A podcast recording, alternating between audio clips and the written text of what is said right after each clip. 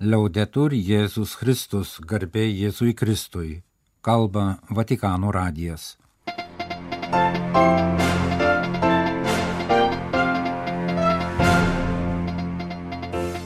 Malonus klausytojai, šioje programoje popiežius lankysis Venecijos bienalėje. Vatikane konferencija apie technologijų pažangą ir žmogaus tapatybę koptų ortodoksų kankinių minėjimas Šventojo Petro bazilikoje. Paskelbtas laiškas maldos už lietuvius pasaulyje dienai.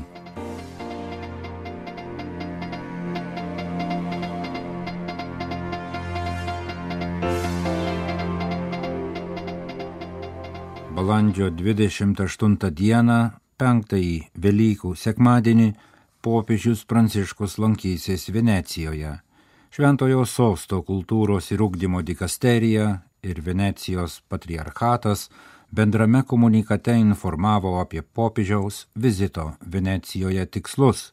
Popiežius lankysis Šventojo sosto paviljone 60-ojoje Venecijos bienalėje ir moterų kalėjime Džiudekos saloje bei susitiks su Venecijos patriarchato bažnytinė bendruomenė.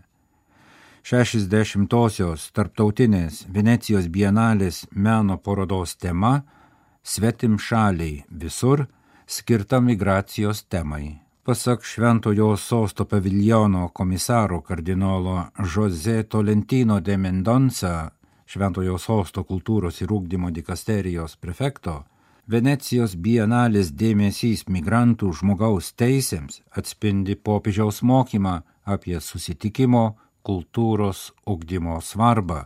Susitikimo kultūros ugdymas yra pranciškaus popiežystės mokymo centrinė ašis.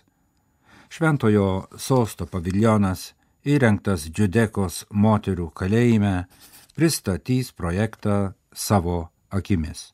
Paviljono temai pažodžiui paimti popiežiaus pranciškaus žodžiai, jo kvietimas išeiti ir pažvelgti vienas kitam į akis Meninis projektas kvies lankytojus atkreipti dėmesį į tas realijas, kurios dažnai laikomos periferinėmis ir kurios dažnai yra už kultūrinių diskusijų ribų. Šventojo sosto paviljono komisaras Jose Tolentino de Mendonca Šventojo sosto paviljono kuratoriais paskyrė Kiarą Paryzį, Pompidou centro Mezzo mieste, Prancūzijoje direktorę, ir Bruno Rasin, Venecijos Palazzo Grassi ir Punta della Dogana muziejų vadovą, buvusi Paryžiaus Pompidou centro ir Prancūzijos nacionalinės bibliotekos direktorių. Šventojo sosto paviljonas tema savo akimis veiks nuo šių metų balandžio 20 dienos iki lapkričio 24 dienos.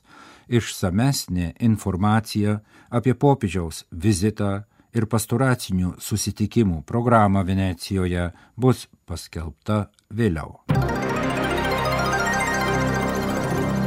Daugiau nei 20 akademikų iš viso pasaulio šiomis dienomis Romoje aptarė žmonijos atsaką į mokslo ir technologijų pažangą. Žmogus, prasmės ir iššūkiai Taip vadinosi Romoje vasario 12-13 dienomis įvykusi konferencija surinkta popiežiškosios gyvybės akademijos, į kurią susirinko mokslininkai, filosofai, teologai ir ekonomistai, mokslo ir technologijų pažangai aptarti bei būdams, kaip ją panaudoti žmogaus labui.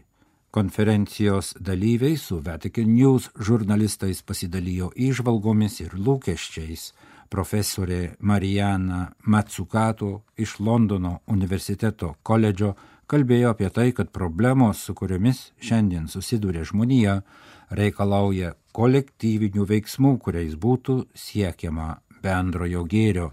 Pasak jos, šiuo metu nėra jokio ekonominio modelio, kuris paremtų šį požiūrį. Nėra bendrojo gėrio ekonomikos. Profesorė Matsukato paaiškino, kad remintis vyraujančiomis ekonomikos teorijomis, vyriausybės turėtų palikti daugumą reikalų rinkai, įsikiždamos tik kritiniais atvejais. neįmanoma pasiekti keliamų tikslų susijusių su klimato krize, biologinės įvairovės krize, vandens krize ir pandemijomis, kurios mus ištiks, jei ir toliau galvosime tik apie tai, kaip ištaisyti situaciją, tvirtino ji. Kaip alternatyvų metodą profesorė Matsukato iškėlė popiežiaus pranciškaus enciklikas Laudato Si ir Fratelli Tutti, skatinančias atgaivinti kolektyvinį intelektą ir kolektyvinį bendradarbiavimą. Fizikos profesorius Džimas Alkalili iš Sario universiteto Anglijoje savo pranešime aptarė dirbtinį intelektą ir būdus, kaip tai gali pakeisti mūsų kasdienį gyvenimą ir mūsų suvokimą apie tai, ką reiškia būti žmogumi. Jis sakė, kad dirbtinis intelektas palengvino mūsų gyvenimą tiek, kad pamirštame, kaip būtų be jo. Tačiau dėl to mes nepraradome savo žmogiškumo. Pasak profesoriaus Alkalylį, buvimas žmogumi yra daugiau nei mūsų intelektas, intuicija ar kūrybiškumas, nes visa tai tikriausiai vieną dieną bus atkartota dirbtinio intelekto. Jis sakė, kad būti žmogumi taip pat yra mūsų elgesio ir sąveikos su fizinė aplinka, mūsų tarpusavio santykių sudėtingose kolektyvinėse struktūrose ir visuomenėse klausimas.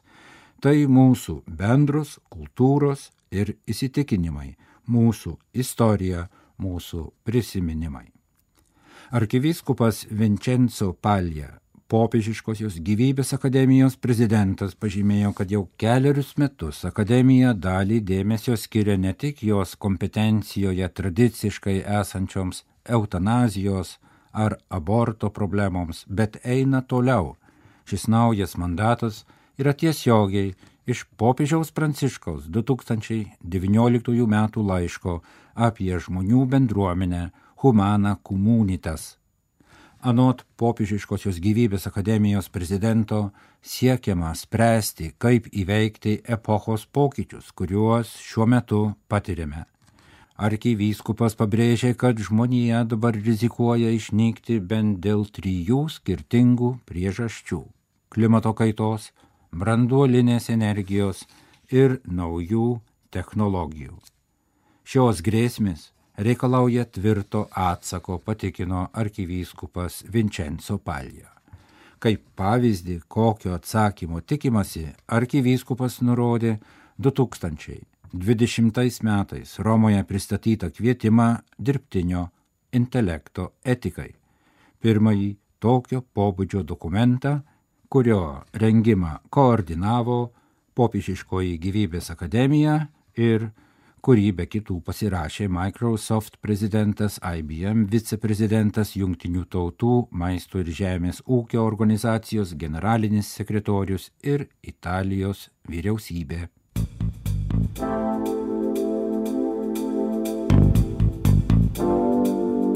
Jūs klausotės Vatikano radio žinių laidos tęsime programą.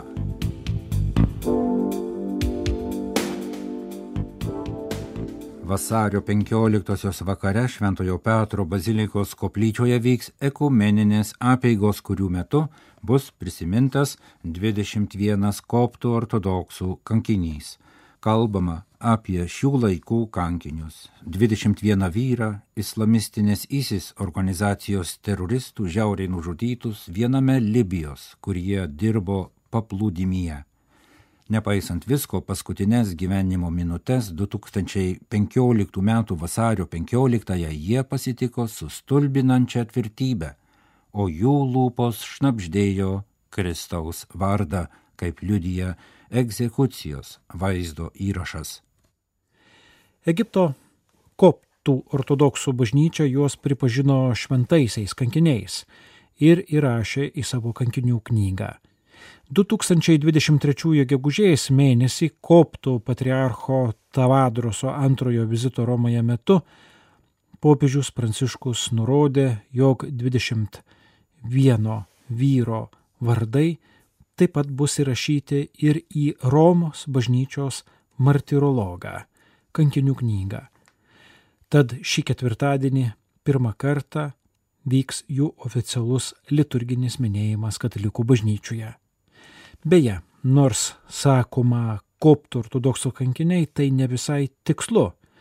20 jaunų vyrų buvo iš tiesų koptų ortodoksai, beveik visi kilę iš tos pačios gyvenvietės, bet likęs vienas buvo krikščionis iš Ganos. 2018-aisiais pirmiausia vokiškai, o po to ir kitomis kalbomis pasirodė žurnalisto Martino Mosebaho parengta ir išleista knyga 21 kelionė į koptų kankinių kraštą. Pasak paties žurnalisto iš Vokietijos, nuo seno susidomėjusio rytų krikščionybė jį nustebino kankinių tvirtumas tą akimirką, kai jie visi buvo išrikiuoti į vieną eilę, parklubdyti o prie jų gerklių priartinti peiliai. Vaizdo įrašę nesunkiai galima matyti, kokius žodžius šnipždėjo jų lūpos. Ja rabi Jesu, viešpatė Jėzau. Apklausus vėliau suimtus kai kuriuos džihadistus, o tai leido nustatyti kankinių bendro kapo vietą bei juos vėliau perlaidoti specialiai pastatytoje bažnyčioje gimtinėje, tapo aišku, jog koptų tikintieji žinojo, kas jų laukia ir buvo tam pasirengę. Iki egzekucijos paplūdimėje jie buvo džihadistų rankose apie 40 dienų. Jiems buvo pasiūlyta gyvybė mainais už tikėjimo išsižadėjimą, bet jie nesutiko. Vokiečių žurnalistas panoro daugiau apie juos sužinoti ir nuvyko į Egiptą, aplankė jų šeimas, nors ir neskurde, bet kukliai gyvenančių žmonės, kurių artimieji neretai išvyksta uždarbiauti kitur. Ten, pasak jo, jis atrado paprastą, bet esminį tikėjimą, kuris iš tiesų yra uola, ant kurios galima statyti gyvenimą. Paaiškėjo, jo kai kurie kankiniai buvo išventinti gidotojų tarnystėj bažnyčioje, beje, arabų, graikų ir senąją faraonų kalba. Jį nustebino tai, kad kankinių šeimų nariai didžiavosi jais ir jų parodyta tvirtybė, beveidžiai, juodomis kaukėmis, uždengtais veidais budeliai, priešingai nei jų aukos, beveik nebuvo minimi, jie nebuvo svarbus. Jų vaidmuo, rodos, te buvo simbolizuoti blogį ir iššūkius, su kuriais krikščionis susiduria gyvenime. Kankinių šeimos kalbėjo ne apie kerštą jiems, o apie jų artimųjų šlovingą ir pergalingą tvirtumą, Tai pasak vokiečių žurnalistų jam priminė tai, kas iš tiesų svarbu ir būdinga bažnyčiai. Ir ką rizikuojame pamiršti dėl įvairių mūsų dienų skandalų. Visa šių šeimų ir pačių kankinių laikysena labai primena pirmųjų amžių kankinius. Tai kaip pirmoji krikščionių bendruomenė reagavo į persekiojimus aukštutinio Egipto krikščionių bendruomenės lygiai taip pat reagavo į šių laikų ISIS ar priešiškai nusiteikusių kaimynų musulmonų minios persekiojimą. Joms tai pergalės istorija. Jiems neapmaudu dėl savo kankinių, kaip tą matome ir senose katalikų bažnyčiose.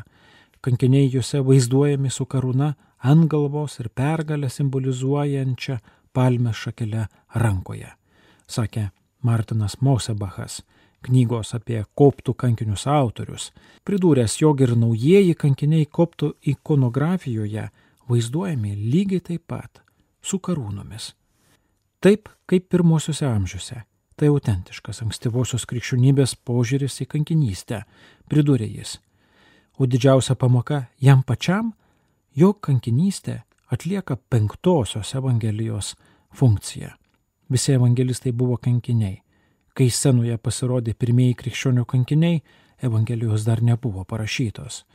Kankiniai yra tikri krikščioniškojo tikėjimo perdavėjai ir kol yra kankinių, mums nereikia nerimauti dėl bažnyčios. Kaip nurodoma krikščionių vienybės dikasterijos, kuriai vadovauja kardinolas Kurtas Kochas pranešime, ekumeninėse peigose Šventojo Petro bazilikoje dalyvaus ir koptų ortodoksų choras, o vėliau Vatikano filmotekoje įvyks dokumentinio filmo 21 tikėjimo gale peržiūra.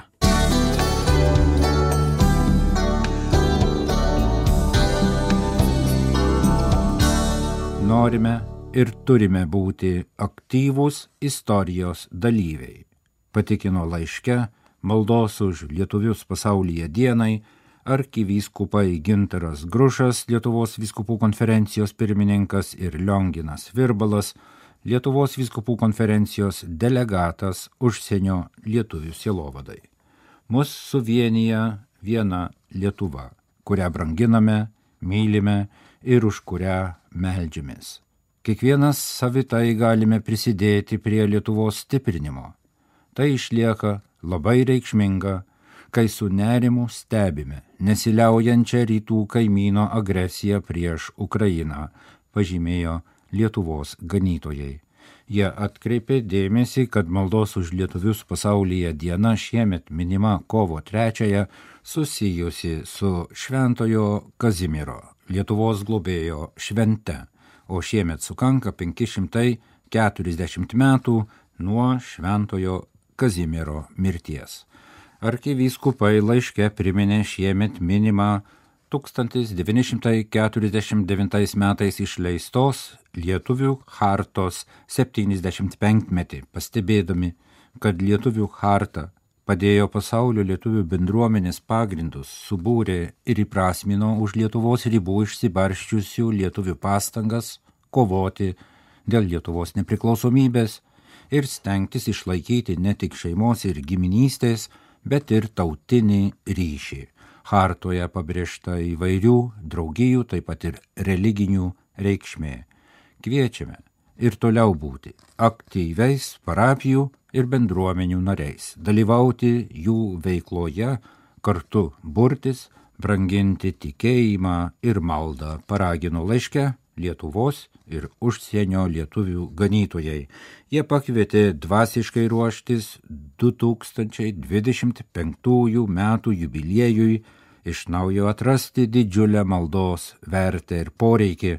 Šie metai skatina rasti laiko susikaupimui ir šventojo rašto skaitimui, palaikyti bendrą maldą šeimose ir bendruomenėse.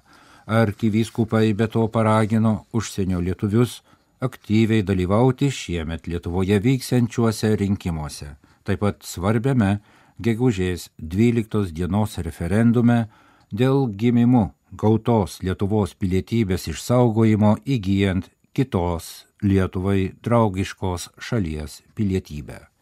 Norime ir turime būti aktyvūs istorijos dalyviai, kurie atsakingai apgalvoja savo šalies ateitį vadovaudamiesi pamatinėmis moralinėmis vertybėmis. Išlikime stiprios dvasios, kad mūsų nemažėtų ir pasitikėkime Dievo apvaizdą, kurios globą nekartą patyrėme savo tėvynės istorijoje, pažymėjo laiške maldos už lietuvius pasaulyje dienai arkivyskupai Gintaras Grušas ir Lionginas Virbalas kovo 3 dieną 12 val. 30 min. Lietuvos laiku šventosios mišios meldžiantis už lietuvius pasaulyje bus transliuojamos per Marijos radiją.